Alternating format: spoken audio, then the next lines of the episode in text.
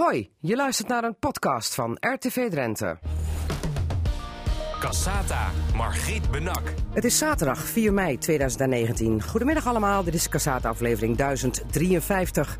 Over de ernstige bedreigingen die een tocht in de nacht van de vluchteling vanaf Kamp Westerbork onmogelijk maken. Maar waarom kan anno 2019 niet wat de appelgroep Westerbork jarenlang wel deed met haar stille tochten? Boerin Eline Verder stond deze week oog in oog met de Europese landbouwcommissaris. Want zij schreef het manifest van Zaaftingen als steun voor jonge boeren. Het radioforum bespreekt weer het nieuws en speciale tafelgast vandaag is Hans Harkens... die morgen als voorzitter van het Bevrijdingsfestival zijn achtste en misschien wel zijn koudste editie gaat beleven. Cassata, Margriet Benak. Radio Drenthe. Ja, zware bedreigingen, zelfs een nekschot kon hij krijgen. Directeur Dirk Mulder van het herinneringscentrum Kamp Westerbork. En dat allemaal vanwege een wandeltocht medio juni in het kader van de Nacht van de Vluchteling. U weet het allemaal, het is uiteindelijk afgelast. Want Kamp Westerbork staat symbool voor de industriële vernietiging van de Joodse bevolking door de Duitsers. Het was het voorportaal en dat moet je niet misbruiken voor andere doeleinden, was de kritiek. Maar ja, dan rijst de vraag. Waarom kan anno 2019 niet wat de appelgroep Westerbork vanaf 1992 jarenlang wel deed met haar stille tochten, zelfs tot 2010 en in totaal 57 tochten zijn toen vanuit de Zandkuil richting het kampterrein gegaan. Ja, Dirk Mulder geeft zelfs antwoord op de vraag waarom kan het nu niet wat toen jarenlang wel kon? Omdat de wereld om ons heen eh, sterk veranderd is. Maatschappelijk klimaat is, eh, is volstrekt anders geworden blijkbaar als eh, destijds. En benoem dat anders dan eens. Eh, nou, de, eh, als we het hebben over de Nacht van de Vluchteling, is dat met name ook toch een felle anti-vluchtelingenbeweging. waarin vluchtelingen onmiddellijk gelijkgezet worden met gelukzoekers en met potentiële terroristen. Daar zit een groot verschil in. En ook het denken in de Joodse gemeenschap is veranderd. Of het voelen is, is anders geworden. Maar hoe kan dat? Ja, dat is inderdaad een goede vraag.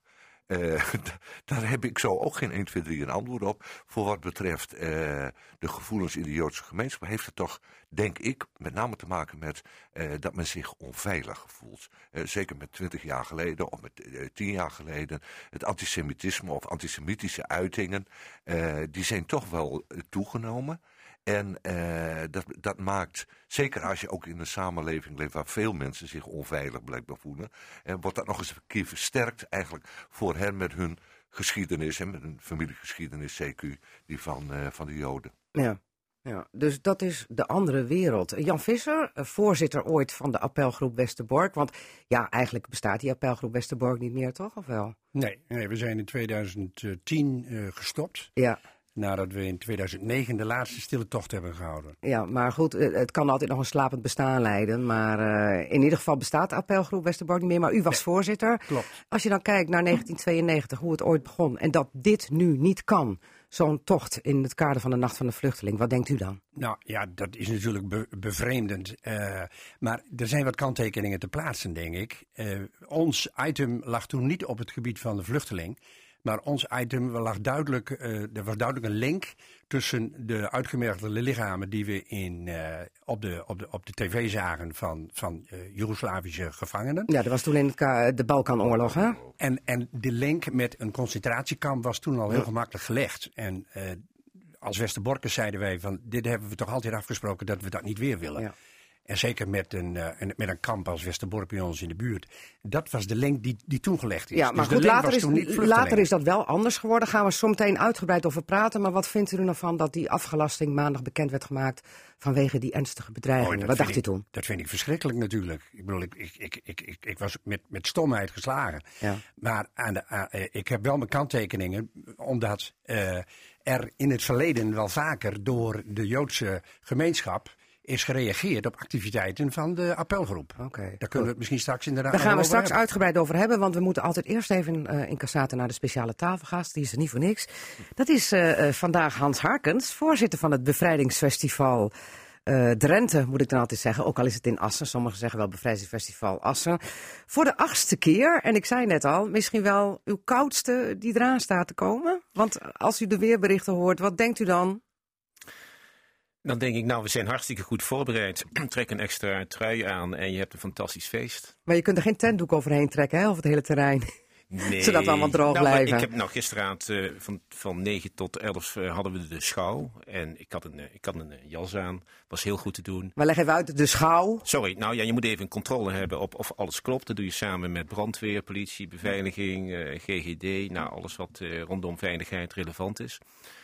Nou, we waren eh, aangenaam eh, verrast, iedereen, met hoe het erbij lag. Sprookjesachtig, eh, zeg ik toch even. Heel erg mooi. Het ziet er nog mooier uit dan dat, dat we gewend zijn. We zitten natuurlijk op een perfecte locatie. Aan de Baggeluizenplas. Aan de Bargeluizenplas. En neem even afstand van die plas en ga eens van afstand kijken. En dan zeg je, nou, dit is, eh, hier wil ik naartoe. Dus Ja. die, die prikkel eh, die wordt ook zonder het weer wel gegeven. Ja, maar vorig jaar was het weer een absoluut record met 40.000 bezoekers. Prachtig mooi weer. Ja. En wat voor dag was het toen ook alweer dat het bevrijdingsfestival was? Op een zaterdag, De dan, hè? zaterdag, ja. Ook al een vrije dag voor de meeste mensen, moet ik dan zeggen. Ja, morgen zo. Ja, morgen hoort- zondag. Ja, ja, het hoort sowieso een vrije dag te zijn, vind ik. Maar, maar dat is niet altijd zo, hè, als het door de week is.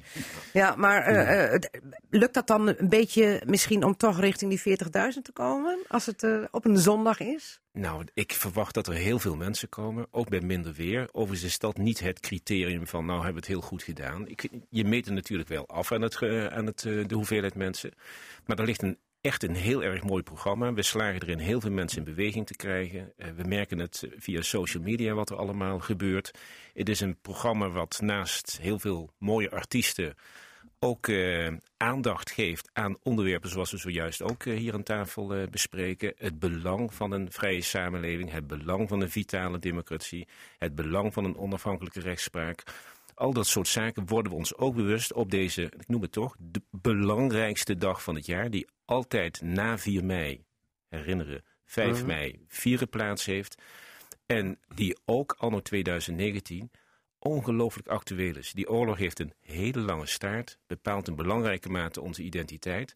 En we moeten ons heel erg bewust zijn dat het niet zomaar een feestje is. Dat Nee. is wat we, waar we morgen echt bij stilstaan. En ook goed, het weer is natuurlijk een, een, een, een on- niet onbelangrijk Dat detail. zorgt altijd voor een extra beetje. Zorg iets extra's. Maar er zijn genoeg mensen die ook zonder naar het weer te kijken zeggen, ik ga erheen. Ja.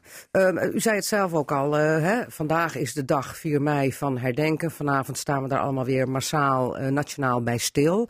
Bij de slachtoffers die zijn gevallen. Maar dat doet u letterlijk zelf ook hè, als bevrijdingsfestival eh, Drenthe. Ja, Want u gaat vanavond naar de kranslegging in Assen. Ja, ja, dat is een eh, goede gewoonte. En ik denk dat we vandaag met een hele grote groep zijn. Ook de lopersgroep van Kloosterveen eh, sluit aan. Dus ik, eh, veel mensen die gewoon spontaan zich zeer betrokken voelen bij, bij 5 mei en bij de viering op 4 mei. Maar leg Dus- even uit, de lopersgroep Kloosterveen. eh, Oh, sorry. Die, die, halen het, nou, die halen het vuur uit Wageningen. Bevrijdingsvuur. Een van de belangrijke. Hè, waar, hè, Ja. Vuur brandt. En vanaf het moment dat het bevrijdingsvuur brandt. eh, zijn we eigenlijk pas echt eh, eh, open. Tussen Ja. aanhalingstekens. Zodra de vlam ontstoken is. Die, en die vlam heeft ook een heleboel symboliek, want die vlam die komt oorspronkelijk uit Bayeux. Dat was de plaats waar eh, de geallieerden die het eerst veroverd hebben. hè. D-Day, 6 juni 1944. In Wageningen is de capitu- capitulatie eh, ondertekend. En eh, van daaruit Wageningen. Dus die vlam, Bayeux, Wageningen, eh Assen, Baggerhuizenplas. Ja. Bam. Veel symboliek, staan we ook echt bij stil. Vinden we ook heel belangrijk. Twee, om ook even aan te geven dat het niet iets is van, nou ja, dat doen we eventjes. We zijn op eh paaszaterdag met een gezelschap van 50 mensen... hebben een bezoek gebracht aan het herinneringscentrum Kamp Westerbork. Daar werden we op een eh, geweldige manier... eh, heeft dat eh, een, een programma geboden wat de mensen enorm heeft geraakt. Dat was eh, René, de, eh, René de Vries...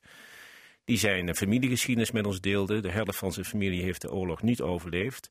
Daar had Westerbork een rol in. Maar het, het, het greep de mensen zeer aan. En voor een heleboel mensen was dat eh, een één-op-één eh, ervaring.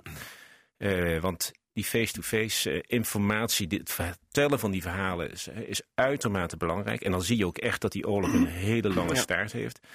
Twee, een, een eh, aanwezigheid op, het, op nou, de, de, de plaats des onheils. Eh, Westerbork is natuurlijk een locatie waar heel veel is gebeurd. Ja. En ook dat met elkaar doorgronden op een goede wijze toegelicht krijgen. Ja. Dat geeft wel een extra dimensie aan wat wij eh, op 5 mei bevrijdingsfestival noemen. Wel, dat geeft dus ook aan dat eh, het bevrijdingsfestival organiseren voor u niet alleen een feestje is, maar dat daaraan ook iets vooraf gaat en wat onlosmakelijk met elkaar verbonden is. Hè? De doden herdenken en dan Ja. De dag later het bevrijdingsfeest. Ja. We gaan zo meteen uitgebreid praten over ehm, eh, of je nou als voorzitter ook enige muzikale kennis moet hebben. Wil je een goed bevrijdingsfestival neerzetten? Hij roept al nee. nou ja, goed. eh, eh, het moet toch wel weer een, een, een feestje worden. En wat dat dan is, wat Hans Harkens dan zo eh, nou betrokken maakt bij dat bevrijdingsfestival Drenthe. Eerst even naar Westerbork. U noemde het zelf al even, Hans Harkens, het herinneringscentrum Kamp Westerbork. Je zou eigenlijk denken op weg naar 4 mei dat het daar dan over gaat, over de dodenherdenking. Maar nee, het ging deze week heel ergens anders over, namelijk die nacht van de vluchteling. En eh, ja, dan wordt u voor alles en nog wat uitgemaakt. eh eh, eh, Holocaust-ontkenner, antisemiet, nazi zelfs.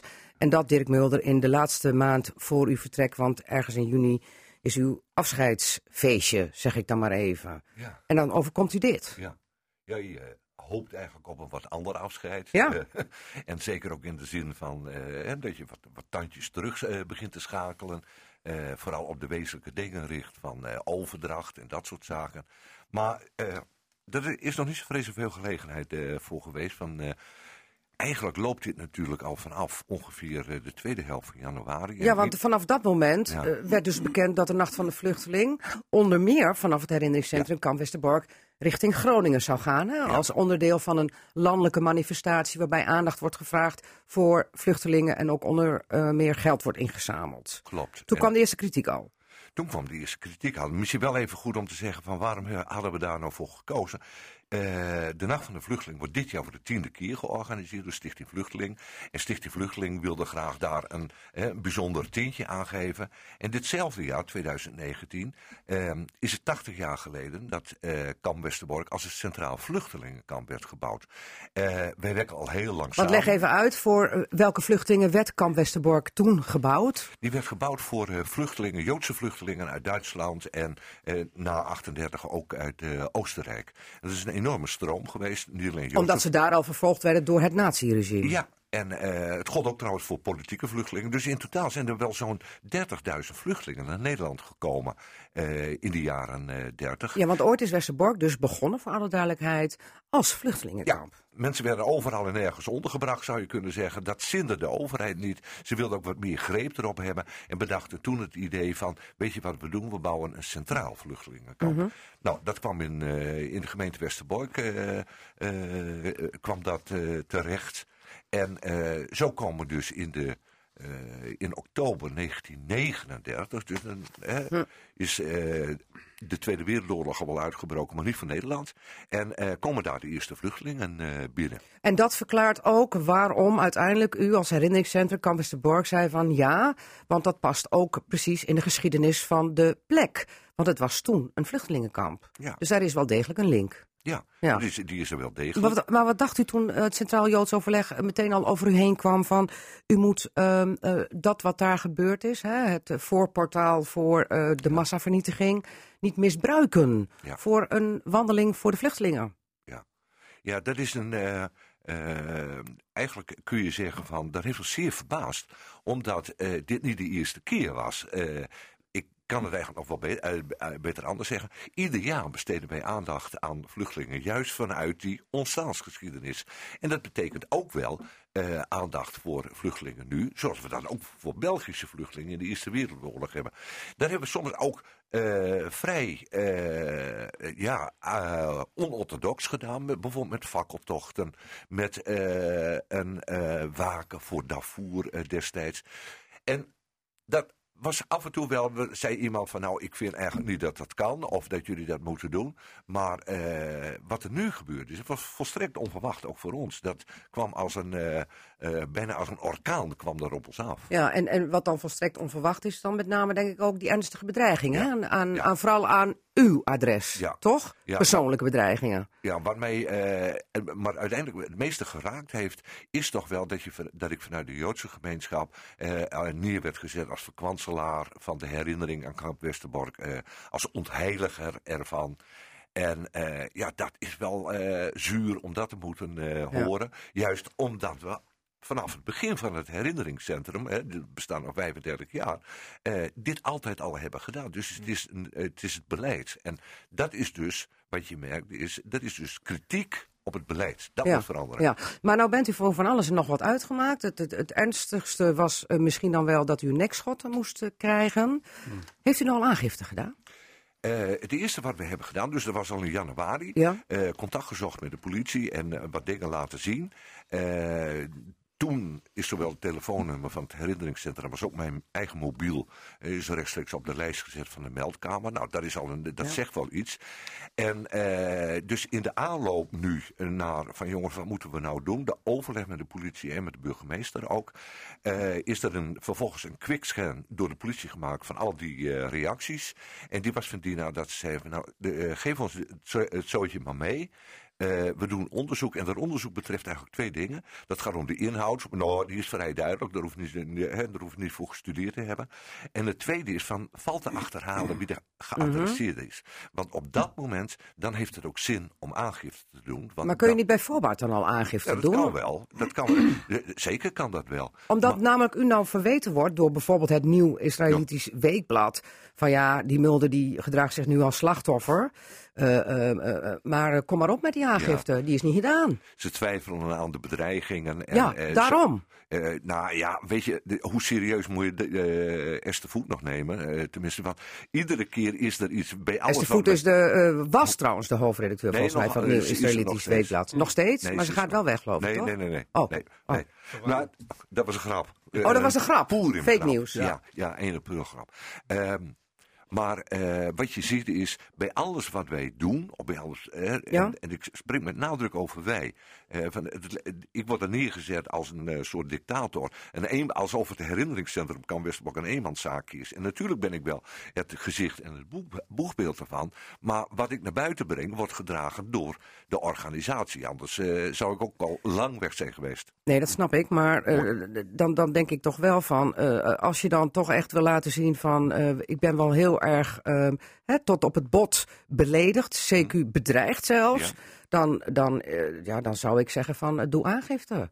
En dan wijst onderzoek wel uit of er uiteindelijk een strafzaak komt, ja of nee, omdat namelijk de dader wel of niet te achterhalen is. Ja, nou ja, de, de- de- wij, wij hebben dat in overleg met de politie gedaan. Eh, ze hebben mij ook nadrukkelijk gevraagd van luister, Ja? als er voldoende aanleiding is, doe jij ook aangifte. Mijn antwoord was toen liever vandaag dan morgen. Oké, Dus goed. laat Dus het- dat hangt nog in de lucht. ja, laat het volstrekt Goed. helder zijn. Even naar Jan Visser toe van de appelgroep Westerbork. Eh, nou gebeurt dit hè, met de Nacht van de Vluchteling. U zei zelf al van, hè, we hebben de Joegoslavië-oorlog destijds gehad. Dat was voor ons hè, dat beeld wat iedereen op de buis zag van uitgemergelde eh, moslimmannen achter prikkeldraad. Dat was voor u de aanleiding om stille tochten te gaan houden. Maar later is dat wel verbreed naar het schenden van mensenrechten. eh, zeker ook naar vluchtelingen. Als je dan kijkt naar anno eh, eh, vandaag, hè, deze week wat er gebeurd is, naar wat jullie deden met die stille tochten, dan is daar toch zeker een vergelijk als je kijkt naar positie van vluchtelingen en schending van mensenrechten. Absoluut. Laat ik vooropstellen dat ik het ook verschrikkelijk vind wat, eh, wat Dirk is overkomen. En waar hij nu, nog meer in, in zit. Maar wij hebben toen bewust ook eh, het kamp gekozen, omdat dat eh, juist, en het her- en in combinatie en in gesprekken ook met het herinneringscentrum, omdat juist het herinneringscentrum en de, de plek van het kamp juist voor ons allemaal een signaal moet zijn van dat is geweest, dat willen we nooit weer. Ja. Dus het is de, de, de aanwezigheid van het kamp is juist ook een signaal voor de toekomst. Daar moeten we juist mee aan de slag. Het befaamde eh, eh, eh, gezegde van lessen leren uit het verleden. Precies. Ja. Dus ik begrijp dus daarom ook niet dat de Joodse organisatie daar zo tegen is. Nee. Want heeft u ooit van de Joodse organisatie in uw tijd als appelgroep Westerbork eh, eh, kritiek gehad? Nou, Of oh, heel veel verweer tegen Nou. wat u aan het doen was? vanaf 1992, toen we, toen we begonnen met de stille tocht, absoluut niet. Overigens hebben wij toen nooit rechtstreeks contact gezocht met de Joodse organisaties. Dat contact is altijd verlopen via, via Dirk, Ja. via het herinneringscentrum. Ja, en daar kwam ook geen kritiek op dan Dirk Mulder op het Nee. moment dat die stille tochten Nee, begonnen? dat kwam eigenlijk alleen, Jan, herinner ik me nog, toen jullie de voorzitter van een ander Joods geluid eh, Ja. eh, vroegen om een toespraak te houden. En toen kwam er uit de Joodse Ja. gemeenschap vanuit de orthodoxe Precies, hoek. precies. Maar daarvoor nooit. Nee, dus nee, dan nee, kun je je afvragen. nee. Nou ja, en, en ik wil dus ook wel even refereren naar dat moment. eh, toen wij eh, na eh, 1995, toen er de sprake was van een, een vrede van Dayton omtrent eh, Joegoslavië, Ja. vonden wij het als appelgroep eh, niet meer als normaal dat wij behalve voor Joegoslavië ook aandacht besteden aan andere plekken op de wereld Andere waar Ja. werden geschonden. En zodoende kwam ook, ook China en Burma en ook eens een keer Israël aan de orde. Mhm. En de manier waarop eh, de staat Israël, ik zeg even met Mhm. nadruk staat Israël, ik noem de Joden niet, de, de staat Israël omging en nog steeds omgaat met eh, de Palestijnen. Ja, de Palestijnse kwestie Nou, kwam toen aan bod. En, toen dacht en u van een ander... gel- contact, Toen hebben we contact ge- gezocht eh, met een ander Joods geluid. En die omarmde het, eh, het initiatief en wilde graag komen spreken. Max Wieselman heeft toen een, Mhm. een vlammend eh, betoog gehouden. En ik weet, eh, als, en dat weet Dirk ook nog wel, dat toen op dat moment de Joodse organisaties li- zich lieten spreken. En dat was zelfs ook voor het herinneringscentrum het moment om ook de samenwerking met de appelgroep of Ja. vanaf dat moment stop te zetten. Omdat men zich wat onheimisch voelde doordat wij in onze activiteiten Ja, rechtstreeks... Maar dat snap de ik. Er is namelijk Israël- een, rechtstreeks verband dan hè, met Israël, de, de Palestijnse kwestie. Ik, ik kan me voorstellen dat dat dan gevoelig ligt. Maar in al die jaren daarna, want u heeft ook namelijk daar protestmarsen gelopen of stille tochten bij betrekking tot de positie van de vluchteling, geen kritiek Zeker, gehad. zeker, absoluut niet. We hebben het over Kosovo gehad. We hebben het over eh, eh, de, de Molukken gehad. We hebben meerdere onderwerpen eh, aangekaart. En eh, dat is nooit of te nemen, en zeker niet rechtstreeks, misschien wel indirect via, via, via het herinneringscentrum.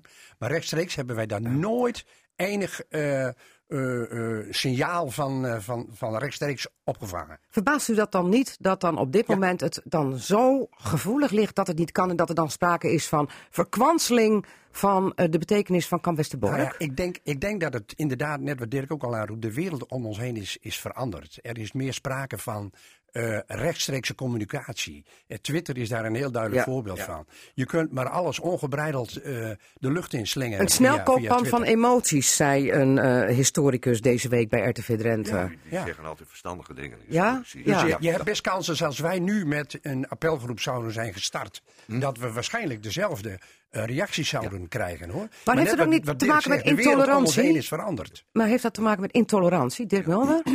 Denk ik dat, ook. Dat is absoluut duidelijk. Dat eh, hè, eh, mensen veel eerder eh, zich op hun teentjes getrapt Ja, voelen. ja. Direct dingen eigenlijk eh, interpreteren als, als beledigend. Terwijl je gewoon een andere opvatting hebt. Dus het is heel sterk gepolariseerd. Hè, d- tegenover elkaar Ja, ja. staan. En niet meer het gesprek aan te gaan. Kijk, in de tijd toen eh, Jan en, eh, en zijn eh De appelgroep Westerbork. met de appelgroep begonnen. Eh, als je daar kritiek op had, dan pakte je de telefoon, vaste verbinding, hè, geen Ja, mobiele. ja, nee. Eh, of je schreef een ingezonde brief in de krant. En Mhm. daar zat de zeef van de redactie nog eens een keer tussen. Hè, van we willen niet alles zo in die krant. Ja. Dat is dus volledig. Niemand, weet je, een van de meest opvallende dingen die ik vind in die afgelopen jaren. eh, sorry, van de afgelopen maanden. Dus de mensen die kritieken. Niemand heeft mij gebeld.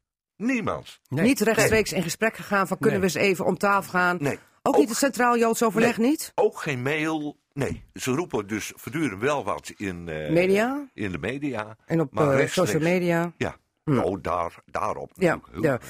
Maar, maar is het eigenlijk niet een hele enge gedachte dat je dan eigenlijk moet vaststellen, nu dit gebeurd is, dat er dus eh, vanuit Joodse hoek een groepering is die zegt: Kamp Westerbork is van ons en alles wat je daar verder doet, dat kan niet. Nou, dat is, Jan Visser. Nou ja, kijk, ik, ik ben in 1968 ben ik hier in Westerbork komen wonen. En toen werkte ik bij de Radio Sterrenwacht. En dat is het, het, het terrein eh, vlak naast het kamp. Ja. Dus ik heb de situatie van de aanwezigheid van de Molukken volop meegemaakt.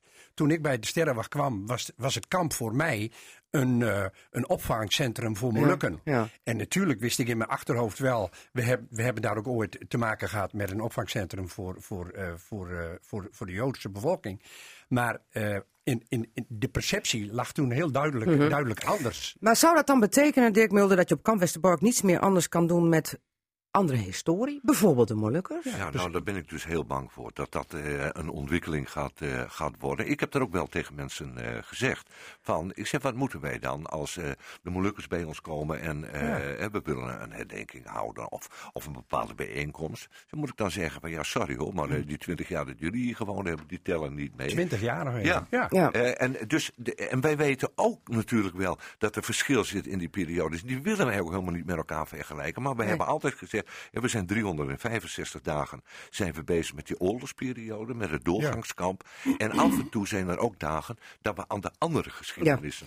Want de voorman van het eh, Centraal Joods Overleg zegt ook van... je moet dit niet willen, want je moet het leed niet met elkaar vergelijken. Maar dat is uw opzet nooit geweest Nee, ook, dat toch? hebben, we we hebben het nooit over die oorlogsperiode gehad. Maar er is dus, hè, wij hadden het over het vluchtelingenkamp. Maar er is onmiddellijk is dat eh, beeld gecreëerd van eh, wat ze daar doen Ja. eh, in het herinneringscentrum. Ja. Is eigenlijk de vluchtelingen van nu vergelijken met de Joden eh, die gedeporteerd werden. Maar in de perceptie van heel veel mensen eh, is het kamp ook een, een, een, een doorgangskamp. Ja. En eh, Ja. we le- leeft niet de, de gedachte van dat dit is ook ooit een vluchtelingenkamp Nee. geweest. Maar goed, is het niet een les voor de toekomst? Want Dirk Mulder, u gaat vertrekken. Ja. Eh, eh, eind juni is uw afscheid. Ja. Eh, Gerdien Verschoor is de nieuwe directeur. Ja.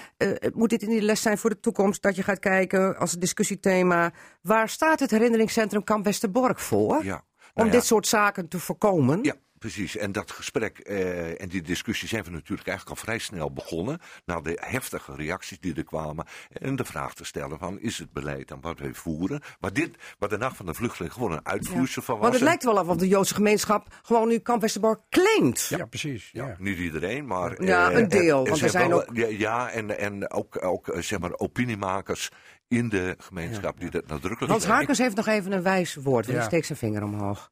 Hans, Nou, eh, het, is een, even tot slot. het is een buitengewoon moeilijke discussie.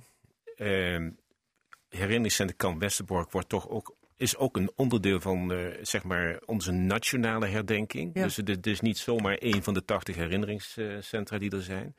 Dus dat legt altijd meer gewicht in de schaal. Dit blijft volgens mij ook altijd een gevoelige discussie. Ik maak onderdeel uit bij het Nationaal Comité 4 en 5 mei. Daar denkt men ook na hoe die boodschap en hoe die ernst en die verschrikkingen van de Tweede Wereldoorlog ook voor een eh, jonger publiek eh, toegankelijk te maken.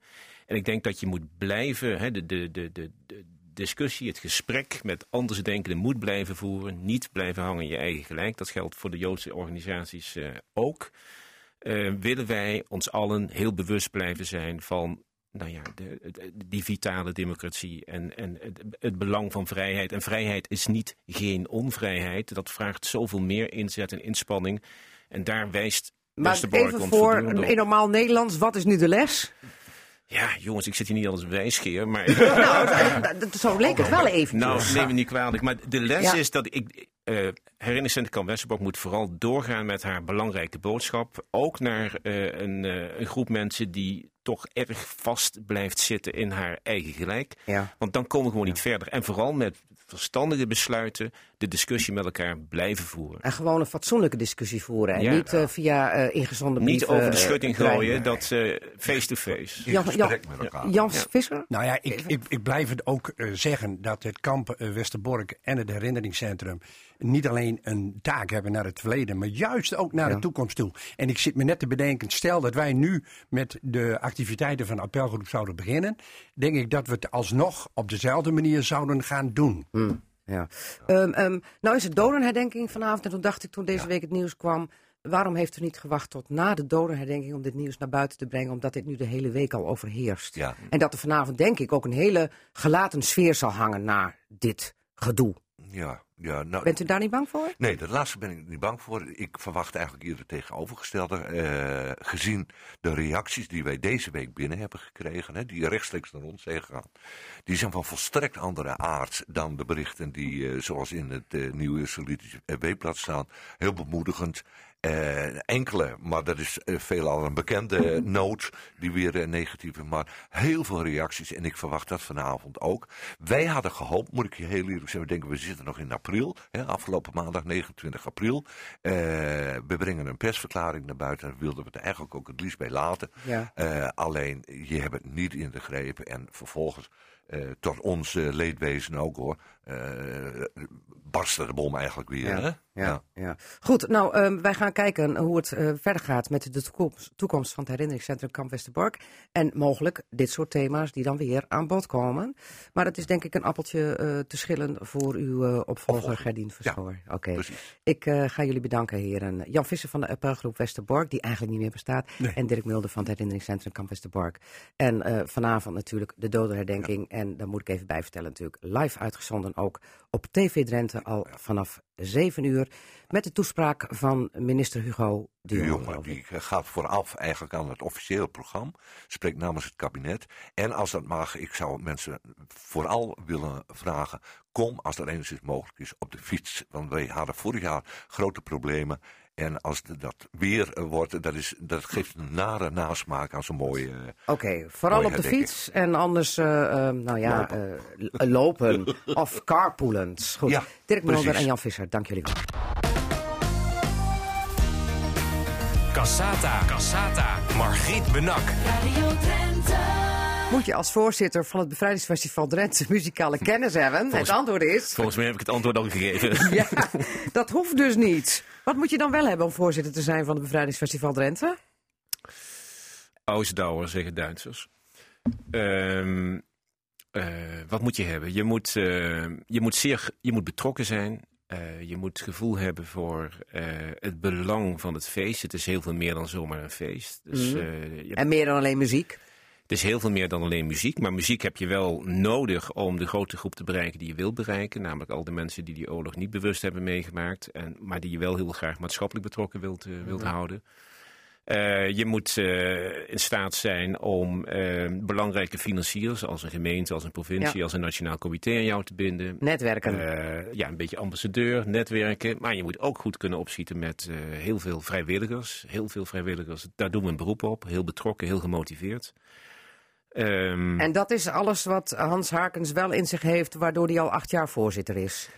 Ik doe een poging en het is ook niet zo dat het altijd crescendo is en dat het altijd een rechte, reg- rechte weg is waar je op, die je wandelt. Soms moet ik ook, eh, ga ik ook wel een beetje struikelen, eh, omdat het ook soms dingen tegenzitten. Maar we slagen Zoals al... noem, benoem eens wat, wat waarvan je denkt de afgelopen acht jaar van nou, dat was even een missetje. Nou, ja. Eh, nou, dat kan wel eens zijn dat, dat de interactie binnen je bestuur daar, eh, dat het net anders loopt dan dat je dat zou willen. Of de interactie met de gemeente net anders loopt. Of omdat... Met welk eh, gevolg? Nou, met het gevolg dat je publicitair onderuit gaat. Omdat men heel veel afval ziet. Ja. Nou, dat zien we sinds- Dikke bende bij de Baggelhuizenplas, Dat niet opgeruimd. nou ja, dat soort Zootje, dingen. mag niet weer. En je wordt toch vaak wel beoordeeld op de dingen die je niet goed doet. Ja.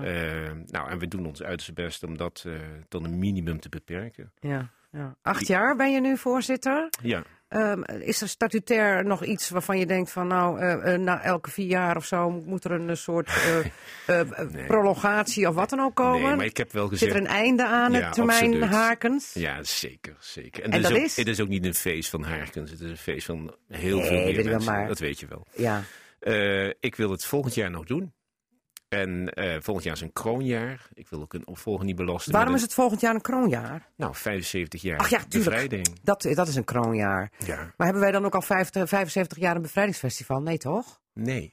Nee. Nee, maar ook geen eh, v- eh, vijf- eh, 75 jaar een herinneringscentrum, hè, zoals je dat Nee, net ook nee, hoorde. nee, nee, klopt, klopt. Eh, nee, dat is ergens van de jaren 90 is dat begonnen. Heel, heel voorzichtig. Dat heeft ook best wel een lijdensweg gehad. Met name- 87 uit mijn hoofd, maar dat Nou ja, weet ik niet meer precies. Ik geloof je Ik onmiddellijk. heb er ooit een, eh, een documentaire over gemaakt, maar Ja. eh, ik word ook wat ouder, dus ik vergeet ook wel eens wat. Ja, nee, maar je ziet, je ziet ontwikkeling. Het, het, het, wordt- het wordt steeds mooier, eh, meer, steviger fundament. Maar het is nooit routinematig aanvliegen. Iedere keer moet je hè, bloed, zweet en tranen, hè, zei Churchill.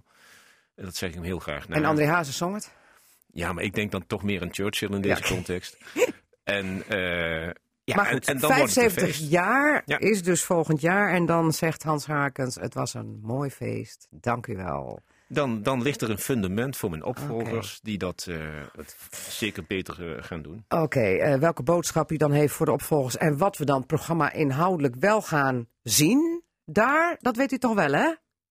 In 2020? Nee, nee, eh, morgen. Ja, ik weet natuurlijk wel wat er allemaal Oh, Oké, gebeurt. nee, Ja. omdat net de muzikale Nee, kennis maar een beetje... muzikaal ben ik gewoon niet onderlegd. En ik, Oké. ik laat het nooit. Ik sta ook wel eens als iemand die ik echt niet ken, maar mijn kinderen kennen hem dan wel heel erg goed. En nou, dat is voor mij wel een criterium dat we dan toch wel weer een goede artiest hebben. Oké. En ik merk het ook op social media dat we niet eh, alleen maar, eh, ja, zeg maar mensen van de lagere school en verder niet gekomen zijn te hebben. Maan komt, hè? Nou, Ja, Maan komt. ontzettend mooi. Oké, nou, dat is al één naam. En Kenny B hebben we net ook gehad. En wat er nog allemaal... Nee, dat komen we, gaan we na één uur doen. Want er zit nog een, eh, een gast hier. Dat is Eline Verder. Eh, welkom trouwens in Castrata. Ja, boerin boerin eh, uit Ruinerwold. Eh, tegenwoordig Ja. ook CDA-statenlid met voorkeurstemmen gekozen. Ja. En maandag stond, je zeggen we hè, Ja hoor. stond jij oog in oog met Phil Hogan. Ja. Zo heet de Ierse Europese landbouwcommissaris. Vanwege het manifest van Saaftingen. Ja, Geschreven door Eline Verder. Vertel, wat is het manifest van Saaftingen? Nou, ik, ik was inderdaad degene die de pen mocht vasthouden. Maar ik heb ook heel veel mensen opgezocht die mij hebben voorzien van inspiratie en input. Eh, we hebben het er 's ochtends met heel veel jonge boeren over gehad. Dus het was echt een mooi gedragen stuk door een grote groep eh, mensen samengemaakt. Want het is een manifest voor alle duidelijkheid van jonge boeren. Ja. Voor de Europees landbouwcommissaris. Ja, Met welk doel? En dat gaat over de toekomst van landbouw. Ja. Want in de toekomst van morgen werken natuurlijk eh, straks de jonge boeren van vandaag. Dus dat is een hele natuurlijke koppeling eigenlijk. Eh, en wat we zien is dat eh, boeren niet alleen in Nederland, maar eigenlijk wereldwijd, die moeten iets gaan doen wat ons in de mensheid nog nooit eerder is gelukt. En dat is meer mensen voeden dan ooit, met minder impact op de leefomgeving dan ooit. Dus een hele beroepsgroep moet collectief boven zichzelf uitstijgen. Eh, en ik geloof dat de Nederlandse boer en boerin dat als geen ander kan. Maar dat kunnen ze niet alleen. En daar hebben ze hulp bij nodig. Eh, eh, onder andere van de politiek. En daar hebben wij wat dingen over opgeschreven. Ja, en vooral dan van ook de Europese eh, politiek. Want landbouwpolitiek wordt dan vooral Europees bepaald eigenlijk. Hè? Ja, de- in Europa worden de kaders gemaakt. Ehm, maar in Den Haag wordt daar natuurlijk ook kleur aangegeven. En ze, leggen er ook wel eens met de regelmaat nog een schepje bovenop. Dus gelukkig zaten er ook Kamerleden, waren er ook bij. Ehm, verkiesbare Europarlementariërs, maar ook statenleden. Dus waren op allerlei niveaus mensen uit de politiek aanwezig die wij onze boodschap konden meegeven. Ja, want je gaf al even aan wat het probleem is. Hè? Een, een, een, onmogelijke opgave bijna om meer monden te voeden als boeren. En dan ook nog verantwoord produceren. Waarbij ik dan meteen denk aan, vroeger zeiden we de boer is troef. En tegenwoordig staat de, de boer in de hoek en eh, wordt bekogeld. Ja, ik moest er wel net aan denken toen wat jij zei van je wordt beoordeeld op wat je, op wat je fout hebt gedaan. En dat is dan maar een klein is, eh, stukje. nou, kijk je even naar Hans Harkens, Ja, hè, die dat net precies. zei. Ja. En, en al het moois wat daar omheen gebeurt, wat veel groter is en veel belangrijker eigenlijk, wordt dan bijna vergeten. En eh, eh, ja, dat doet me soms wel eens een beetje zeer, want ik vind dat dan niet terecht. Maar vind je, eh, heb je dan ook het gevoel dat de boer de laatste tijd steeds meer in het verdomhoekje zit? In plaats van dat men zegt van we zijn trots op de boer, maar die zorgen er wel voor dat de voedsel op tafel staat? Ik denk dat we ehm, door de welvaart van de afgelopen decennia wel heel goed weten wat de prijs is van ons voedsel, maar we een beetje vergeten zijn wat de waarde ervan is geweest. En ook door wie het gemaakt wordt. Precies. En Ja. dat, het, dat het helemaal niet zo vanzelfsprekend is dat de supermarkten altijd vol liggen en dat onze koelkast altijd vol is. Maar nu hebben jullie dit manifest van Zaaftingen eh, gemaakt. Eh, ehm, eh, jij hebt de pen gehanteerd. Waarom heet dit even Zaaftingen? Leg even uit voor de mensen. De, de, het evenement was in Zeeland, Nieuw-Namen. Het oploopje van, eh, eh, allerlei politici met dus die, die, die Europees landbouwcommissaris. Precies. Eh, en dat ligt naast een natuurgebied en dat heet het Verdronken Land van Zaaftingen. Oké. Toen heb ik het Verdronken Land er even afgehaald, want dat vond ik zo treurig klinken. Ja, om dan meteen het verdronken manifest van Zaaftingen te doen, dat is gedomd te mislukken lijkt me dan. Maar vandaar de naam. Ja, ja. Oké. En, en dit manifest moet bereiken wat nu precies?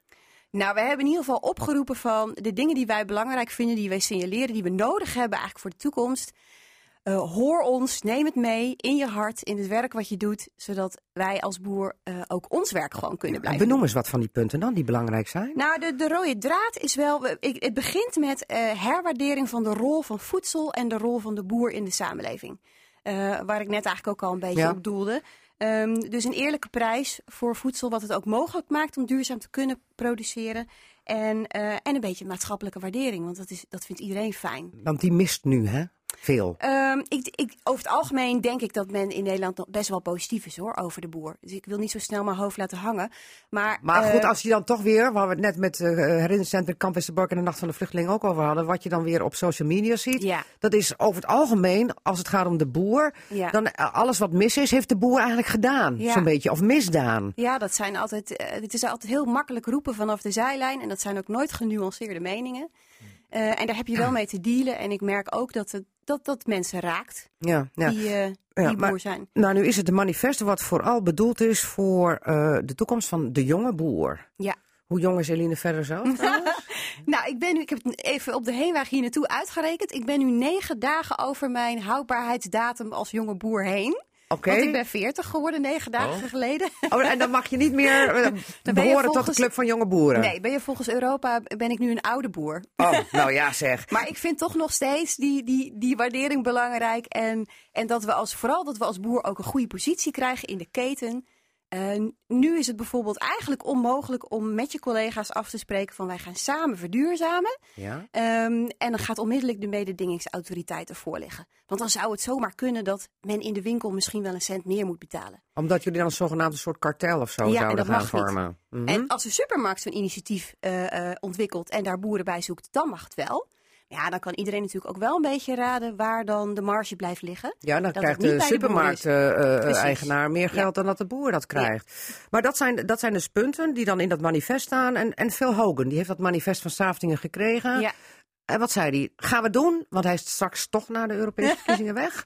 Nou, ik hoop eigenlijk dat hij niet weg is. Oké, wat is de Eh, goede dan? De goede landbouwcommissaris? Ja, ik ben wel tevreden over hem. Ja, het is geen lastige, of het is, een, het is een lastige plek waar hij zit. Ja? Maar ik vind dat hij het eh, goed doet. Eh, maar ja, we moeten maar zien inderdaad of hij terugkomt en in welke rol dan. Maar hoe pakte hij het op, het manifest? Hij vond het heel positief. Ja? Hij kwam ook nieuws brengen over de jonge boer. Hij, vindt, hij ziet ook, in Nederland zijn er bijvoorbeeld maar 4% van de boeren onder de 35 jaar. 15.000 boeren zijn nu 55 jaar of ouder en hebben geen opvolger. Dus op een totaal van 50.000 boeren betekent dat dat er gewoon een heel groot deel binnen 10 jaar stopt. Ja, En, en dat bedrijf niet, niet wordt doorgezet. En elke boer die verdwijnt, komt niet meer terug. nee. En wat was zijn... En dat is in heel Europa is dat een probleem. Dus Ja? Hogan die zet zich daar ook echt voor in. En hij kwam daar eh, om het nieuws te vertellen dat hij ehm, jonge boeren meer mogelijk wil maken dat zij toegang hebben tot krediet om het bedrijf van hun ouders te kunnen overnemen. Ja, maar dat is ook natuurlijk een enorm probleem, hè, om als jonge boer eh, bedrijf voor te zetten. Ja. Eh, ja. Maar ehm, ehm, dit manifest van Saftingen, gaan we er nog meer van horen? En in dat verlengde daarvan, Eline, verder? Nou, dat laatste eh, denk ik sowieso. En het eerste hoop ik. Ja. en, en uiteindelijk is het zo dat we dan straks misschien in het Europees landbouwbeleid af en toe in de stukken terugzien. Het manifest van Saftingen heeft gevraagd om dit en dat gaan we doen. Ik denk niet dat het manifest dan daarin benoemd zal worden, maar ik hoop wel dat we dingen, er dingen in terug eh, zullen gaan herkennen. Ja. Was het een aardige man trouwens? Ja, veel is hartstikke aardig, man. Ja? Ja. Eh, gewoon met hem gesproken, lekker Ja. in, het, eh, in het Engels. in het Iers. Ja, Iers. Engels. Ja. Eh. Hij praat dan Iers, soort van. Ja. Dus het is af en toe, je moet heel goed opletten. maar ja, het is een, eh, een heel kundig eh, bestuurder en met een, met een ook groot hart voor landbouw en een groot hart voor Nederland ook. En als hij blijft zitten, dan hebben jonge boeren volgens Eline Verder daar zeker wat aan. Die hebben daar baat Ja, bij. maar hij zit natuurlijk wel in een speelveld met al die landen die het dan continu met elkaar eens moeten zijn en dat meestal niet zijn. Dus het is, je hebt niet alleen hem nodig, maar je hebt eigenlijk de hele Europese Unie Ja. nodig. Ja, goed. En daar moeten we gaan voor gaan stemmen in mei. Wat is de datum ook alweer? Eh, 23 mei. Ja, in, de, in Midden-Drenthe hadden ze het fout staan op de stemkaart, geloof ik. Oh, Maar Zeker 23 gaan mei. stemmen, heel belangrijk. Eline Verder, dankjewel voor je komst. Dit was het eerste uur Casata. Zometeen het vervolg. Cassata. Altijd in de buurt. Radio Drenthe. Ja, hoe komt Hans Harkens ineens acht jaar geleden bij dat bevrijdingsfestival Drenthe terecht? Want we kennen hem van eh, de warm pleitbezorger ooit van die Zuiderzeelijn als secretaris van eh, VNO-NCW Noord. Toch? Klopt. Klopt. Heel wat anders. Ik werd destijds gevraagd door eh, de commissaris van de Koning en de burgemeester van Assen om dat te doen. De commissaris van de Koning was toen Sjaak Tigelaar. Nee, ja. Ja, klopt. toch? Sorry, ja, zeker. En de burgemeester was toen Sikko Heldoorn. Ja, ja. klopt. Ja. En waarom werd Hans Harkens daarvoor gevraagd? Nou, alleen, ja, waarom werd ik ervoor gevraagd? Dan zou je beide heren moeten aanspreken. Eh, ik vond Ja, die ieder zijn beide weg, kan ik nu niet meer vragen. Mm, U bent er nog. Nou ja, Misschien om de reden die ik eerder in de uitzending heb gezegd. Dat Ja. men enig gevoel had dat hij het wel zou kunnen. En Ja. er, was, er was ook wel wat nodig, want het lag eigenlijk echt een beetje op zijn gat. Dat was heel vervelend.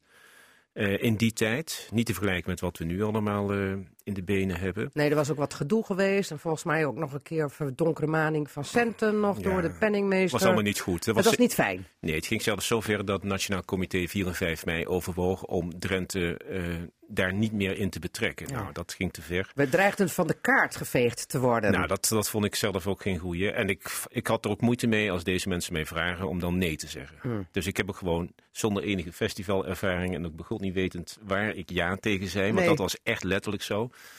Heb ik ja gezegd. En ik heb inderdaad in die begintijd meer dan eens het gevoel gehad dat ik eh, op een rijdende trein zat. Zonder conducteur, nou tot daar aan toe, maar zonder machinist ook. Dus ik wist begon niet waar die eindigde. En ook best wel een heel hoog eh, eh, reputatierisico. Ja. Om even vanuit, hè, dat speelt ook mee. Hè. Het is toch een publieke functie. Ehm, veel mensen kijken over de schouder mee. En het is ook belangrijk dat dat gewoon goed ingevuld wordt. Omdat er heel veel gevoeligheden ook rondomheen zitten. Je, dat, nou, punt. Ehm, een bestuur geformeerd. En vanaf eh, het begin, we hebben even de hiccup gehad met eh Diner Mobiel. Weet je wellicht. ja, ja, En daarna met... die het eh, gingen organiseren, maar dat... nou, we zaten, het het was een blessing in disguise dat zij eruit vielen. Omdat wij vanaf dat moment ook in staat waren om goede contracten te ondertekenen. Om ook een vorm van een, eh, zeg maar, eh, weerstandsvermogen te creëren. Want we hadden helemaal niets. Nou, Weerstandsvermogen is met een modern woord gewoon reserve. ja, Ja. ja, je moet reserves hebben, want het weer kan ineens omslaan. Of er kunnen hè, volstrekt onvoorziene omstandigheden zich voordoen, waardoor eh, nou, allerlei plannen er anders uitkomen te zien. En je kunt niet voortdurend met een collectebak bij mensen achter. Nee, en entree vragen, dat bleek ook niet een gelukkige oplossing. Dat doet niemand, Nee. omdat het, eh, de drempel is nul. We vinden het belangrijk dat het eh, voor iedereen, eh, iedereen daar naartoe kan gaan. En de meeste mensen doen ook om het bevrijdingsfestival festivalervaring op voor het eerst. Dus daar slagen we heel goed in. Ja, ja. Hoeveel mensen zijn erbij betrokken bij die organisatie? Want we hebben natuurlijk nu een bevrijdingsfestival wat wel in de hek zit hè, bij, het Bagge- bij de Baghuizenplas. Want het is de bedoeling dat je daar je drinken koopt en niet met volle bepakking en tassen vol bier en eh, kratten vol bier daar Nee. naartoe gaat. Nou, maar dat heeft ook een hele simpele reden. Anders kan niet uit. Anders kan niet uit. Iedereen vindt het heel vanzelfsprekend dat er 40 artiesten optreden. Van heinde en verre, nationaal, internationaal ook dit jaar. En dat er eh, rondomheen een eh, geweldig programma ligt. Ja, dat moet wel op een of andere manier betaald worden. We krijgen een stukje publieke financiering. Maar heel veel doen we eh, met private partners. En heel veel doen we ook met mensen die dat onbezoldigd doen. Lees, Ja. lees eh, al die vrijwilligers. Ja, Ja. Maar hoeveel gaat erin om in het eh, bevrijdingsfestival? Wat is jullie budget? Nou, we hebben een, we hebben een budget van dicht tegen de 2 ton. 190.000 euro. Ja, en wie betalen dat? Dat betaalt voor een deel het Nationaal Comité, eh 40 uit mijn hoofd. de gemeente Assen, 30. Eh, de provincie, 35. Mhm. Ehm, En andere gemeenten die zouden toch in principe ook mee betalen? Want dat was ooit een keer de bedoeling, omdat Nou, het namelijk een feest van Drenthe is. dit is een sympathieke gedachte, maar niet elke gemeente heeft direct eh, dat inzicht. Eh, dat is ook een... eh, Nee, dat nou, was toch ooit een wens van u, dat heel Drenthe, eh, alle gemeenten meededen. Nou omdat ja, het toch ook een feest is voor heel Drenthe. En dat is dan toevallig in de provinciehoofdstad. Ja, we doen het inderdaad in de provinciehoofdstad, omdat we het ergens moeten doen. Eh, en het, het is ook meer dan alleen op die locatie. We, we geven ook gastles, dat doen we via Prinsessendag. Eh, we, eh, er wordt ja, op, ons, op een of. Hè, we, hebben verbinding met herinneringscentrum Kamp Westerbork. eh, allerlei initiatieven die in, in de aprilmaand in het kader van de vrijheid staan... die steunen we ook met menskracht en soms ook financieel heel bescheiden. Dus we doen echt ons best om eh, de aandacht voor 4 mei en 5 mei levendig te houden. En, en aan te laten sluiten met de nieuwe tijdgeest. Hoeveel mensen zijn er morgen op de been? En dan heb ik het niet over het publiek wat er moet komen, maar in De totaal organisatie? de organisatie wat eh, morgen daar staat om alles in Eh, goede banen te leiden. Nou, dan reken maar op 120 mensen. Nee, het zijn er meer. Met beveiliging particulier. Nou, ik Ja. denk 200 mensen. Ja. Ja. en ik, sorry hoor, ik ga even van vrijwilligers naar. Maar we hebben natuurlijk ook eh, eh, in het kader van eh, veiligheid... de nodige particuliere beveiligers daar Ja, ook. ja, dus 200 man op de been, eh, Ja. zeg maar. En ehm, dan gaan we even naar het programma. Eh, even de highlights. Eh, de grote namen. We hebben net Kenny B gehoord. U heeft de naam al even, naam, Maan al even genoemd. ik kan ook niet 1, 2, 3 een hit noemen, maar zij is bekend geworden volgens mij met het programma. Ruben Esther, help mij even. Hoe heet het ook alweer, dat programma? Ehm, eh, muziek van Nederland. Nou ja, die zingen allerlei eh, liedjes van bekende artiesten. Kom er zo wel weer even op. Dus een handicap als je 50 plus bent, hè, dan vergeet je dat soms. Maar eh, welke namen komen er nog meer? Blackwater, Blauwtsoen.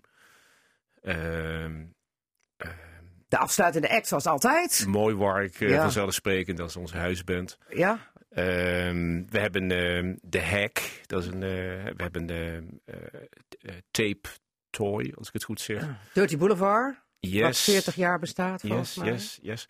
We hebben eh, heel veel winnaars van de kunstbende hier. Ehm, ehm, ja, we hebben eigenlijk voor iedereen wat wils. Nou, noem gewoon even de website waar mensen alles op kunnen vinden en het hele programma. Uh, bevrijdingsfestivaldrenthe.nl Ja. Oh, je, kijkt me bedenkelijk aan, zo van heb ik het nou goed? Ja, daar staat het hele programma Dat is op. goed. En dan, En- moet, je, dan moet je gewoon naar kijken. Ja. Dat is, dat staat Ja. op- en mensen hebben de festivalkrant wellicht ook in huis, rond en rond, rond een, eh, of huis en huisbladen de afgelopen weken verstrekt. Ja, ja. Hoe laat gaat het los? 12 uur. 12 uur. Kwart voor 12 gaan de hekken open. 12 uur begint het programma. Twee uur is het eh, officieel met eh, het bevrijdingsvuur wat ontstoken wordt. eh, samen door, hè, met, de- met de lopersgroepen Kloosterveen. Drie uur hebben we Frans Timmermans mainstage. Samen met Maan. Nog niet gemeld. De, de Frans Timmermans. Ja, hij moet zijn prioriteiten stellen en komt als eerste naar Assen. Dat is Oké, en hij komt toevallig samen met Maan. Nee, nee, nee, nee. Oh, Nou, ja. Ja, of net op een Maan. Maar Maan is degene die met de helikopter eh, Maan, rondvliegt, Maan hè? vliegt binnen en hij, hij komt ook vrij snel. En hij gaat ook natuurlijk weer... eh, En vliegt Frans mee met de helikopter Nee, of niet? nee, nee, nee. Dat zijn echt twee gescheiden circuits. Maar ik ben, eh, ik, ben heel, ik ben erg blij met en Maan en met Frans Timmermans. Frans Timmermans, ambassadeur van Europa, zeg ik dan. Ja. En het belangrijk om eh, die verbinding met vrijheid en Europa ook te maken. Daar acht ik hem heel wel toe in staat. Bovendien zijn er Europese verkiezingen, dus Frans dacht, kom, ik pik even een graantje mee. Dat zeg ook- ik met een knipoog. Maar we hebben ook een European Village. Nee, maar ik, Europa, ik zeg het niet met een knipoog, is buitengewoon relevant voor de 75, 74 jaar vrijheid waarin wij, en dat is niet vol- volstrekt vanzelfsprekend, Mhm. waarin wij leven. En daar heb je mensen nodig die met overtuiging daar eh, een pleidooi voor voeren. En daar, daar acht ik Frans Timmermans eh, eh, heel wel toe in staat. Ja, ja, Ja. dit is een heel goed redenaar. In alle talen. In bijna. alle talen, Ja. wanneer is Hans Harkens tevreden als Mooi Wark daar het dak, de- bij wijze van spreken, Ja. weer heeft afgespeeld? Dat doen ze zeker. Dus dan ben ik al tevreden. Met hoeveel mensen daar op het terrein Nou. van de Baghuizenplas? Kijk, de weersomstandigheden zijn minder gunstig, maar het programma is nog uitgebreider, nog mooier. Dus je moet gewoon komen, jong en oud. Denk ook niet van, dat is niet voor mij. Dat is, aantallen horen. Nou. Hoeveel? ja, goed, dan zeg ik, eh, we gaan voor hetzelfde als vorig jaar. En dat was 40.000. Mm. Dat is een record. We gaan het zien. Hans Harkens, hoogste tijd voor. Cassata, het radioforum. Ja, het radioforum. En er is zat te bespreken in het radioforum. Dus we gaan eh, even heel snel er doorheen. Maar niet zonder even te horen wie er in het forum zit vandaag. Behalve de speciale tafelgast Hans Harkens zit hier. Jacob, Jacob Randjes, voorzitter van de Partij van de Arbeid Gewest Drenthe. Hoe is het met de formatie, Jacob? Eh, eh, dat eh, loopt volgens mij heel mooi door. Ik kreeg een appje van Kees Bijl. Tussen Pasen en Pinksteren, Margriet, heb ik gezegd. Dan komt het rond. Nou, dat is een hele brede Nou, het is bij Kees interpretatie. zo dat wat hij zegt ook meestal wel uitkomt. Dus dat, daar ga ik ook vanuit. Ja, ja, wanneer is Pinksteren? 10 juni geloof ik. Nou, dan wordt het ook wel eens tijd, denk ik. ja dan Ja, is het vast wel gelukt. Oké. En daarna zit... Erik Sings, lid van de VVD-fractie in de Tweede Kamer en woonachtig te Assen. Ja. Morgen ook te vinden op het terrein van de Bevrijdingsfestival? Absoluut, zolang als Hans er zit, kom ik er ook altijd als gast. Ja, ja. Wat is jouw hoofdact waar je naar gaat kijken? Nou, nu gehoord dat eh, Frans Timmerman komt, Yes, de hoofdact. denk, denk ik dat ik even wacht op Maan. Ah, Oké, goed. Ehm, nou, eh, het afblazen na bedreigingen van twee kanten. Vanaf eh, mensen die niks met vluchtelingen hebben. En vanaf toch wel eh, de, de extreem Joodse eh, gemeenschap. Over de start van de Nacht van de Vluchteling. Medio juni zou die vanaf het terrein van het herinneringscentrum Kamp Westerbork gaan. Ook omdat bij Kamp Westerbork het idee ontstond van hè, 80 jaar eh, vluchtelingengeschiedenis. Ooit is het begonnen met, eh, in 1939 met een vluchtelingenkamp. Maar zoveel bedreigingen dat het afgeblazen moest worden. Hoe heb jij daarna gekeken, Erik Sings? Nou, ik vond het allereerst afschuwelijk dat kennelijk ook mensen anoniem eh, en dan inderdaad eh, via de, de, sociale media eh, de heer Mulder zo verschrikkelijk aanvallen. En, maar ook de organisatie. Ik weet dat de directeur al daar, de heer Mulder, die deze zomer vertrekt, een bevlogen man is, daar heel veel voor betekend heeft, heel veel dingen daar opgebouwd heeft, veel respect ook geniet. En dan denk ik, dat vind ik het toch droevig om te lezen wat dan op dat moment allemaal vaak anoniem geschreven wordt. Ja, het wordt ook heel erg op de persoon gespeeld, hè? Want hij kon een nekschot schot krijgen. Ik, hij ik vond een het, ik vond het schandalig. Mhm. Eh, schandalig om de redenen die ik net al noemde. De man heeft zich enorm ingezet. Heeft juist eh Westerbork daarmee ook echt op de kaart gezet. Iedere keer vernieuwing aangebracht. Die man verdient een standbeeld. Die verdient niet eh, dit soort eh, anonieme kritiek. Ja. Jacob Bruintjes? Ja, ik heb eh, Dirk Mulder net gehoord eh, in het vorige uur. Eh, en eh, toen dacht hij van, eh, hij toont heel wat meer beschaving dan al die mensen die hem zo verschrikkelijk aanvallen. Ja. ja. En dat lijkt gewoon helemaal nergens op. Ja. Maar nou stond er vandaag of gisteren ook een artikel in de krant. En dat hebben we ook met de windmolenterrorisme eh, alles besproken. Moet je zwichten voor bedreigingen? Nou, ik... eh, eh, Want daarmee geef je dus schreeuwers in deze zin weer hun zin. Ik denk dat als het aan Dirk Mulder zelf lag, aan hem persoonlijk, dat, dat, eh, dat hij daar een andere afweging in zou maken dan wanneer hij zegt, eh, er lopen 400 mensen vanaf het herinneringscentrum Westerbork eh, lopen het gebied in, richting Groningen volgens mij. En hoe, hoe kan ik dan de verantwoording nemen voor die mensen? Ja, maar die zouden alleen maar kunnen lopen met een politiecordon eromheen, ja, maar dan nog, hè, dan nog dus die, die moet kijken naar verantwoording. Maar de bedreigingen waren niet op hen gericht, maar de bedreigingen waren op hem, op Dirk Mulder gericht. Jawel, maar ook, nee, maar ook op het hele gebeuren. En, eh, en hij, ik vind dat hij daar eh bewonderenswaardige, eh, rustige verslag van doet. Maar het lijkt natuurlijk nergens op. En dat is echt niet alleen maar op hem gericht. Dat is ook breder. En hij is uiteindelijk dege- degene die ja, als boegbeeld, in dit geval als Mhm. kop van Jutte, functioneert. En ik vind wel, hè, mensen uit volstrekt gebrek aan informatie, die allemaal reageren. Want ik moet even zeggen, de stichting Vluchteling gaat over vluchtelingen in verre landen. Ja. En noodopvang daar gaat helemaal niet over vluchtelingen die naar hier komen. Dat Ja. is een stichting Vluchtelingenwerk, dat is een andere stichting. Ja. Dit gaat over eh, eh, noodopvang. En als je daar al niet eh, aandacht op wil vestigen, het begint altijd zeg ik, bij onverschilligheid. Als dat je niks kan schelen, dan gaan we hele rare toestanden meemaken. En dat is denk ik waarom de, vanuit de kamp Westerbork dit soort activiteiten ook wordt opgestart. Maar goed, dat is één groep hè, die dus de bedreigingen Ja. uit. En je hebt dan de andere groep, dat is een extremistische Joodse groepering. Of ja, extremistisch mag ik ze misschien niet noemen. Maar zoals ook het Nieuw Israëlitisch Dagbla- eh, Weekblad. Met Esther Voet voorop. Die hebben echt een hetze gevoerd de afgelopen maanden tegen het besluit. om die nacht van de vluchteling vanaf het kampterrein te laten eh, gaan. Net als het eh, Centraal Joods Overleg. Die vinden dat hiermee de geschiedenis eh, van het kampterrein. als eh, voorportaal voor de vernietigingskampen misbruikt wordt. Maar ze hebben Mulder niet, niet gebeld. Ze hebben geen contact Nee? met het eh, kamp opgenomen. Ze hebben niet gezegd, kunnen we om de tafel, wat ben je nou aan het doen? Laten we het eens over hebben. Eh, wat is nou de achtergrond? Hoe kunnen we hier samen uitkomen? Want dat zou ik verwachten. En dat is ook nodig in de huidige maatschappij. Ja, maar wat, wat, zegt dat hierover? Want we, we hebben het ook gehad over de stille tochten die er jarenlang zijn geweest. 57 in totaal. Ja. Nou, daar heeft geen haan aan gekraaid. En Nee. in de tegenwoordige tijd kan het ineens niet meer. Nou, het moet wel kunnen, vind ik. Ja, En ja. eh, daar moet misschien dat hele gedoe met internet en dat, dat al die mensen anoniem, wat, wat Erik ook zegt, hè, eh, anoniem, eh, je, je, je, roept, je, je roept maar wat anoniem. We moeten misschien wel meer zoeken naar de mensen die daarachter zitten. ja, ja. Hans Harkens, wat zeg jij? Dit, dit moet toch ook uitgezocht worden wie hierachter zit en dat moet bestraft worden? Ja, ik vind op ik, het idee dat eh, bedreigingen op voorhand gaan leiden tot dingen die dan eh, niet door kunnen gaan, daar heb ik ook zelf grote moeite mee. Ik vind wel dat je in een overleg moet treden als er meerdere, er zijn meerdere aspecten die je dan moet. Ja, maar dat eh, heb je net in het eerste uur gezegd. Maar als je kijkt nu naar, naar wat de bedreigingen zijn, de aard van de bedreigingen en richting een persoon. Ja, dan vind ik, dan, ik, dan, zou, dan zou ik zeker bepleiten om dat, daar aangifte van te doen. Ja. Dat geeft duidelijkheid en dat maakt ook helder naar allerlei mensen die dit soort ideeën ook nog in hun hoofd hebben. Dat, ze daar toch, eh, dat het geen kwestie is van over de schutting gooien, maar dat je in een fatsoenlijke samenleving eh, elkaar eerst eh, met elkaar ook anders denken en met elkaar in gesprek gaat voordat, Ja. je, voordat je schreeuwerig je gelijk houdt. Ja, ja. En Erik Sings, als je kijkt nou naar de geschiedenis van Kamp Westerbork, die heeft veel meer aspecten dan alleen eh, ehm, eh, eh, dat het het doorgangskamp was voor de Joodse, maar ook de, de Roma en de Sinti-schuiners. Ehm, in de Tweede Wereldoorlog. Hè. We hebben dan de Molukse geschiedenis. Er hebben zelfs nog NSB'ers gezeten. Eh, het is ooit begonnen als vluchtelingenkamp. Eh, het geeft toch eigenlijk te denken dat je bijna niet meer bij die geschiedenis stil mag blijven staan. Ja, het is ook een heel merkwaardig fenomeen. Ik denk dat het ook eigenlijk ehm, tussen de oren is gaan zitten vanwege het woord vluchteling. Omdat dat tegenwoordig ook politiek een eh, beladen onderwerp is. Het werd net al even door de heer Bruintjes uitgelegd hoe het in werkelijkheid dan is. Maar daar hebben vaak mensen zich natuurlijk eh, niet in verdiept. Dat is jammer.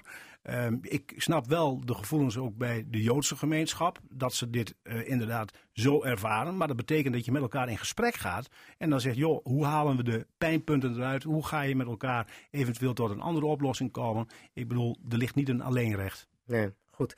Ehm, ehm, wij gaan afwachten of dit eh, voor de toekomst nog gevolgen zal hebben voor de rol en betekenis van het herinneringscentrum Can Westerbork. Want ik denk, eh, nu dit gebeurd is, dat je daar toch zeker wel even eens in debat over mag gaan met de verschillende partijen. En dan moeten ze wel komen natuurlijk. Daar moeten ze wel komen, inderdaad. Maar ja, goed, je kunt als herinneringscentrum Kamp Westerbork ook de stap zetten en zeggen van jongens, dit is gebeurd. Laten wij de wijste zijn. En eh, eh, laten wij ga- eens gaan bekijken hoe we hier in de toekomst om mee moeten gaan. Want eh nou, dit soort dingen en bedreigingen. Nou, gaat het vast doen. Ja, goed. Eh, eh, dat is een schone taak, zei Dirk Mulder ook voor de nieuwe directeur die straks eh, aan de slag gaat. Even naar wat anders, politieke kwestie in de Drentse Staten. Zetelroof van Frank Dut, de voorman van 50PLUS Drenthe, die deze week bekend maakte zich aan te sluiten bij Sterk Lokaal. Met Douwe Oosterveen samen trekt hij op. En dat wordt dan Sterk Lokaal Drenthe, waarmee de naam 50PLUS verdwijnt. Woede, woede, woede bij eh, landelijke 50PLUS en bij eh, Assen 50PLUS zetelroof. Eh, Frank Duut belazert de boel en ehm, hij heeft zelfs getekend dat als hij bij 50PLUS zou weggaan, dat hij de zetel zou teruggeven. Hij bevestigt dat ook, maar hij zegt van ik doe het dus niet. Het is dan maar zo, spijtig. Hoe kijk jij er tegenaan, Erik Sings? Ja, het is jammer dat we het weer over zo'n onderwerp moeten hebben. Iedere partij maakt het wel mee dat mensen zich afscheiden van een fractie en vervolgens inderdaad hun zetel meenemen. Zonder dat ze in feite echt de hoeveelheid stemmen hebben gehaald die hun het recht geeft om die zetel te bezetten. Ook in dit geval is hier weer sprake van. En wat het nog erger maakt, vind ik, als je er dan ook nog voor tekent met je volle verstand. En je geeft aan, ik ben best bereid om een zetel in te nemen, maar ik lever hem ook weer in als ik vertrek. En je doet dat niet. Nou, dat geeft genoeg te denken. Ik eh, heb er eigenlijk wat dat betreft geen woorden voor, maar ik vind het echt hele slappe thee. Ja, je hebt er geen goed woord voor over, bedoel Absoluut je niet. eigenlijk. Ja, Jacob Bruintjes? Nou ja, 50PLUS heeft, eh, is een eh, personeelbeleid kennelijk toch wat foutjes gemaakt, want ze hebben de verkeerde mannen neergezet. Eh, maar wat ik nog veel erger vind, eh, dat is de kiezer. Eh daar hebben eh, eh, 7.500 mensen ongeveer op eh, deze partij gestemd. Ik heb gisteren nagezocht. Ehm eh, 8444 zo uit mijn hoofd. Want ik was het nu snel even aan het opzoeken. Nou, volgens mij was het wat minder, maar goed, dat, dat maakt Nee, niet uit. ik heb namelijk gisteren de kieslijsten nog doorgenomen. en ook ik het aantal Dus, eh, dus, stemmen. ik ook, dus ik heb weer gekeken naar Sterk Lokaal en naar... eh, eh, naar de- 8444 stemmen had 50 plus. En Frank Duut had er in zijn eentje 4872 gehaald. Waarmee Ja. hij de kiesdelen van 5567 niet haalde. Nee, maar er, zit- er, er zitten heel veel mensen in de Staten die in een eentje de kiesdelen niet halen. Dus dat, dat, Het gaat mij erom dat de, de kiezers hebben ook niet op, alleen op Frank Duus gestemd, die hebben op die partij gestemd. In Ja. de verwachting dat die partij voor hun iets gaat betekenen in de Staten.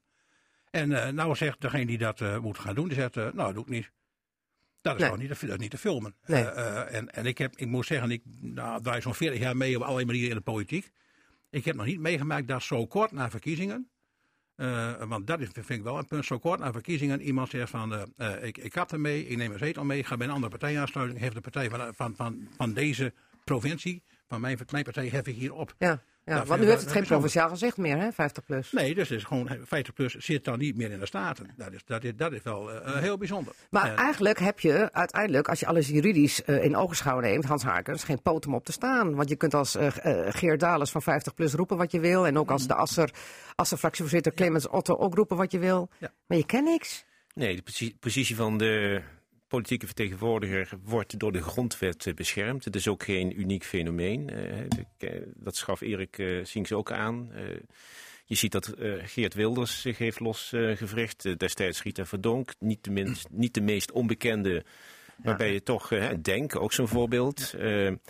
Ja, ik, ik zou het zelf nooit doen. Ik deel volledig de, de, de opvatting van de andere kant. Maar zou je er niet eens iets aan moeten doen dat je dit niet meer kan?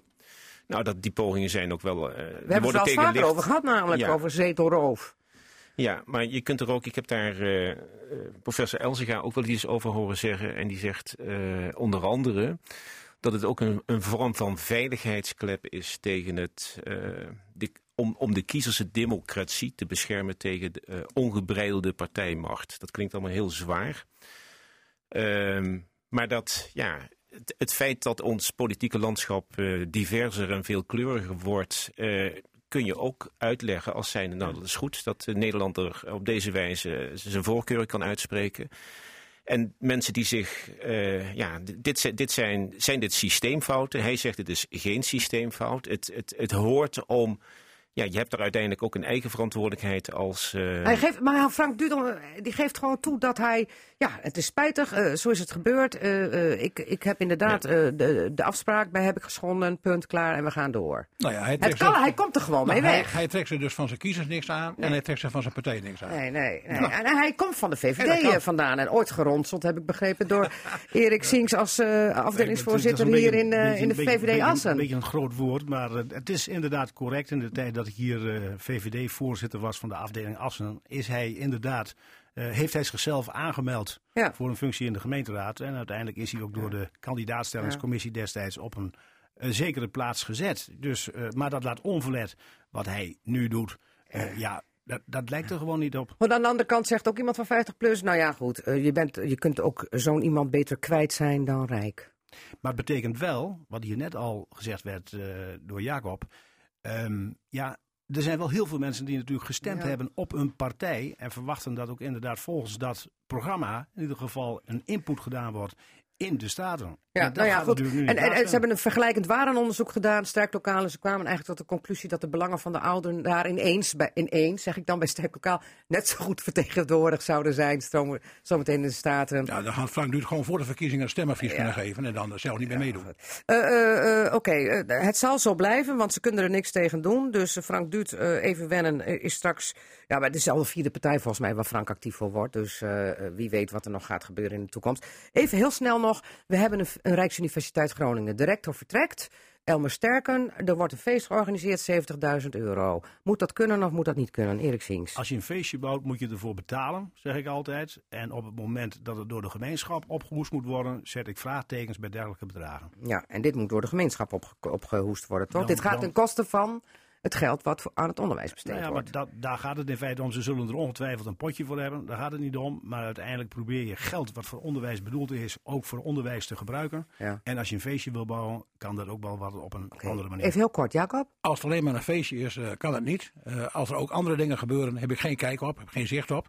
Eh, dan ligt het misschien anders, maar voor alleen maar een feestje kan het niet. Ja, ze zeggen wel dat er andere zaken ook gebeuren, maar daar was ook alweer een andere pot voor waar 114.000 euro volgens mij voor beschikbaar was Nou gesteld ja, voor maar je moet activiteiten. het aan de voorkant duidelijk maken, niet aan de achterkant. Oké, en, en Hans Harkens, het laatste woord is aan jou. Ik vind veel geld voor een feestje en ik zou dat eh, beslist. eh, Een afscheid nemend rector moet zich bewust zijn dat hij een publieke functie vervult. En niet op deze wijze in de publiciteit komen. Oké, goed. Ehm, ik weet niet of het feestje nou wat versoberd zal gaan worden na alle kritiek, maar ik ga jullie danken. Hans Harkens, Jacob Bruintjes, Erik Sings. Ehm, ik eh, zie jullie morgen allemaal terug bij het Bevrijdingsfestival. En volgende week natuurlijk weer bij Cassata. Tot dan! Je luisterde naar Cassata. Dat is te beluisteren als radioprogramma op zaterdagmiddag, maar sinds kort ook als podcast. Net als het programma Drenthe Toen. Vond je het nou interessant? Geef ons dan vijf sterren en laat je beoordeling achter. En vertel het natuurlijk ook aan vrienden, familie en collega's. Daar help je ons mee, zodat we nog meer luisteraars kunnen bereiken. Tot volgende week.